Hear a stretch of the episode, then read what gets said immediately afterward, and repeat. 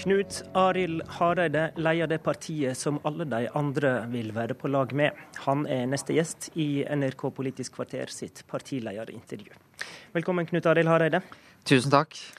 På seint sent 90-tall hadde KrF en boost som bl.a. ble forklart med at partiet eide noen saker, f.eks. i familiepolitikken med kontantstøtta den gangen. Hva nå? Hva vil du folk skal oppfatte som KrF sitt unike stempel? Jeg tror eh, KrF sine verdier de står fast, men vi gjør det selvfølgelig inn i en ny tid. Men eh, ja, nettopp familiepolitikken er jo noe som jeg tror både vi har eierskap til, eh, og som vi opplever som en av de som, som, preger debatten. Men det er klart familiepolitikken har kanskje ikke Vi hadde en debatt i går der sa vel jeg òg til slutt at vi har ikke kommet inn på familie, blant annet. Og så var det slutt. Og så var det slutt. Eh, og det, det syns jeg og, og, jeg mente jo at familie burde vært en del av en debatt rundt ulikskap. Eh, for nettopp Vi vet at eh, Robert Putnam, som er en kjent Harvard-professor som venstresida generelt lytter veldig til, han sier det at når vi skal se på ulikheter, hva er det viktigste da? Da sier han i den rekkefølgen. Da er det familie, skole og frivilligheten, det sivile samfunn.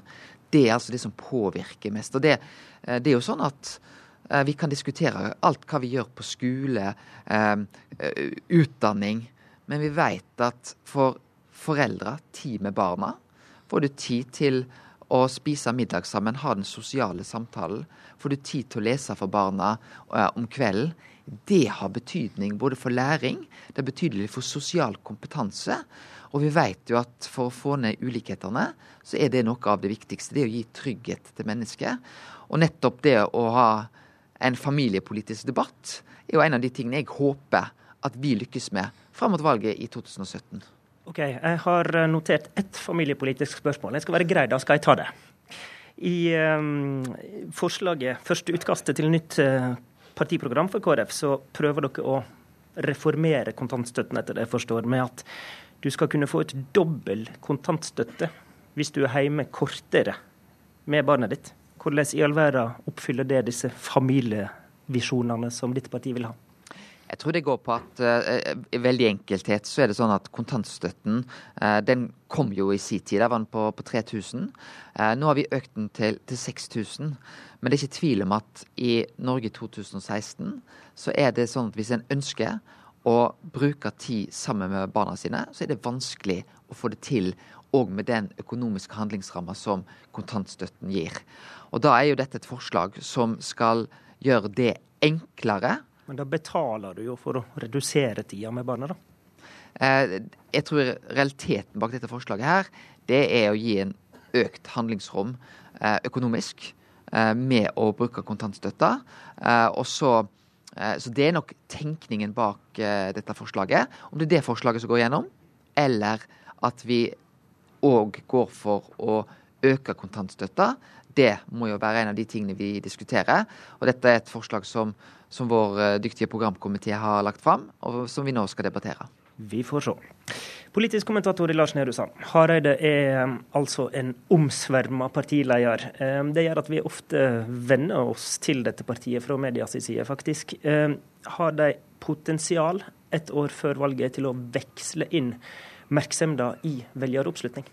Noe av det som fascinerer meg mest med Kristelig Folkeparti, er at de dette året, i hvert fall på NRK sine meningsmålinger, ikke har uh, eh, henta velgere fra uh, det samme partiet to måneder på rad. Det betyr at det er vanskelig altså KrF har et solid grunnfjell. De har høy lojalitet eh, blant de velgerne som stemte eh, KrF for eh, tre år siden. Så vil mange gjøre det igjen dersom det var valg nå. Men det er altså vanskelig for KrF å over tid hente velgere fra andre partier, noe som ville vært svært fordelaktig for, for KrF å klare i større grad enn de, enn de gjør.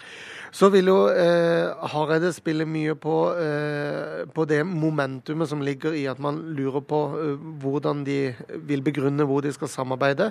Vi ser at han eh, argumenterer mye med at det er viktig for KrF å få mer makt enn de har i dag, hvor de har en samarbeidsavtale. Eh, det er tydelig at Hareide vil inn i regjering. Og i det bildet så er det klart at det ser jo sånn ut nå, da, som at Erna Solberg er låst til et videre samarbeid med Fremskrittspartiet, og at Jonas Gahr Støre kan tilby en regjering, kanskje uten et fløyparti, noe som virker forlokkende for, eh, for Kristelig Folkeparti. Knut Arild Hareide, i forgårs kunne vi se deg i Dagsrevyen på kommunebesøk her i Arendal med Støre. I går var du på barnehagetur med lederne i de tre samarbeidspartiene. Men hvem av dem skal du godblunke til? Det er jeg helt enig med det Lars Nehru Sand sier. Det er det jo politikken som avgjør for oss.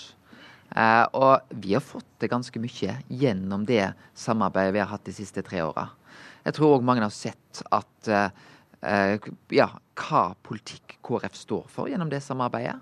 Eh, det er jo sånn at hvis du ser på de sakene vi har påvirka, så er det ganske store og viktige saker. Vi har fått altså 1700 flere lærere. Det var jo en sak som òg var oppe til diskusjon under den rød-grønne regjeringa. Men det ble altså ikke to lærere i første til fjerde trinn. Det er vi veldig godt på vei til å greie nå, i det samarbeidet vi har fått til. Hvis vi ser på familiepolitikken, så har vi fått større valgfrihet. Vi har fått dobla kontantstøtta fra 3000 til 6000 kroner i løpet av eh, den eh, perioden. Vi har fått gjort mye knytta til fattigdomsbekjempelse av fattige barn i Norge. Men selvfølgelig, vi har, vi har mer å gjøre. Ok, Nå har Men, du en lang liste med ting du er fornøyd med at du har fått til. Betyr det at du tenker primært at du skal stå der du har stått denne perioden? Vi er, eh, Som et politisk parti så er vi opptatt av å få størst mulig gjennomslag. Eh, vi fikk 5,6 ved valget. Jeg opplever at vi har fått mye igjen gjennom det samarbeidet. Og så er det vår oppgave å se hvordan kan vi få mest mulig igjen eh, i neste periode. Eh, og det er den jobben KrF har nå å gjøre. Og jeg ser at mulighetsbildet i 2017 kan være enda større, enda bredere for KrF enn det var i 2013. Eh, men jeg har lyst til å understreke det. og det vi har fått til mye i det samarbeidet som vi har vært i, i nå. Eh, og jeg tror faktisk òg at det å få fram den delen er en viktig del av min jobb. Og det har ikke jeg vært så god på. Kanskje òg fordi at ja, den politiske debatten ofte blir prega rundt den type saker som det er sterk uenighet rundt. Ok, Du vil snakke mer om det du er fornøyd med. Eh, dere har sagt dere skal konkludere eh, før valget. KrFU-lederen har nå i sommer peka på én side, eh, høyresida. Men hun sa også en annen ting. Vi må gjøre det klart før valget hvilken statsministerkandidat vi vil støtte. Gjør du det, eller du eller kan du også tenke deg å holde det åpent eh, før valgdagen? Ja, Dette er jo det som partiet går inn i nå. Eh, det er sånn at Vi har en eh, veldig ryddig prosess. Den ligner veldig sånn som det har vært foran alle stortingsvalg i KrF, ikke minst når vi har sittet i opposisjon. Vil du, lo vil du, love å peke på et alternativ, er det jeg lurer på? Ja, Det er jo sånn at uh, hva vedtak vi gjør nå, det skal ikke jeg gå inn og spekulere i. Her er det jo da åpent for partiet. Eh, først landsstyremøte, som er i november, som gir sin anbefaling til landsmøtet. Og det har vært litt forskjellig tradisjon knytta til det spørsmålet som du peker på her. Så det kan godt være at vi kommer til å peke på en statsminister, men det, selvfølgelig så trenger jo det ikke være sånn at vi gjør det. Den friheten har selvfølgelig partiet, men jeg tror det er et ønske i partiet om å være tydelig. Eh, vi hadde den samme samarbeidsprosessen foran stortingsvalget for fire år siden. Jeg tror alle opplevde da at vi kom fram til et tydelig eh, og godt svar. Det tror jeg òg vi skal greie denne gangen. Alt er fortsatt åpent. Du hadde brukt Arendalsuka og debatten i går til å peke på den ulikskapen som er mellom oss som bor her, og de som er i konflikt eller på flukt andre steder i verden. Um, per i dag blir det gitt rundt 1% av Norges bruttonasjonalinntekt i bistand. 37 milliarder i inneværende år. Hvor mye bør vi gi i bistand fra Norge på de årlige budsjettene i neste stortingsperiode? Skal det opp? Ja, jeg mener at uh, nettopp bistand og utvikling er noe som vi bør prioritere. Uh, og det er fordi at uh, sånn vi ser verden i dag, så er det å være med og gjøre investeringer, ja, det er òg faktisk til hjelp for, for, vårt samfunn her. Men enda mer, lurer jeg på? Ja, vi kommer til ambisjonen om å øke bistanden. Vi har hatt en formidabel utvikling i norsk bistand de siste 15-20 årene. Et økt prosentmål, da? Ja, Det har ikke vi eh, landa. Eh, og det skal vi få lov til å gjøre i vårt program, som, som vi har nå ute. Men det å være med og øke bistanden, det har vært viktig for oss. Men jeg har lyst til å si det er viktig for oss å sikre en enda bedre kvalitet av bistanden. Eh, bistand er noe som er noe av det vanskeligste vi kan gjøre hvordan kan vi hjelpe andre mennesker uten at de blir avhengig av den hjelpa. Og, og det å utvikle det, det er viktig. Men Norge er et av verdens rikeste land. Jeg mener det er veldig viktig at ikke vi ikke får nok med oss sjøl. At vi evner til å se utover sjøl. Og nestekjærligheten, det er en grunnverdi i KrF. Og den skal ikke stoppe ved svenskegrensa. Den skal vi se utover. Og vi har jo diskutert nå flyktning- og asylproblemstilling i Norge, ikke minst det siste året. Og vi vet jo det.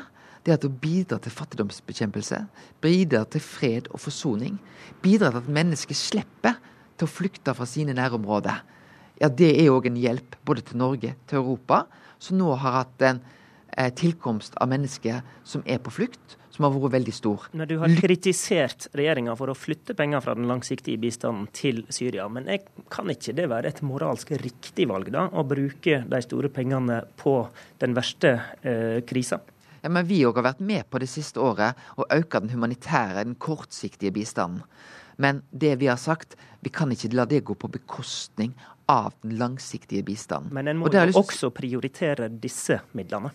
Ja, eh, og det har vi vært villige til å gjøre. Men spørsmålet er når vi nå opplever den situasjonen vi har i verden, en mer krevende flyktningsituasjon har ikke vi hatt etter andre verdenskrig. Og da eh, må vi øke humanitær bistand. Men jeg er helt enig i det Børge Brende har sagt. Det å gjøre et skille mellom humanitær bistand og langsiktig bistand, det er kunstig. Det er nå engang sånn at humanitær bistand går til nødhjelp i en viss fase. Den langsiktige bistanden den er jo f.eks. med på å hjelpe nabolandene til, til, Syria. Gi mulighet til at de kan ta imot flyktninger i, i, nærområdene. Det å gi skole, det å sikre at det ikke blir konflikt, det er jo like viktig for å hjelpe flyktningene der de er. Da sier du at vi må prioritere alt, da? Ja.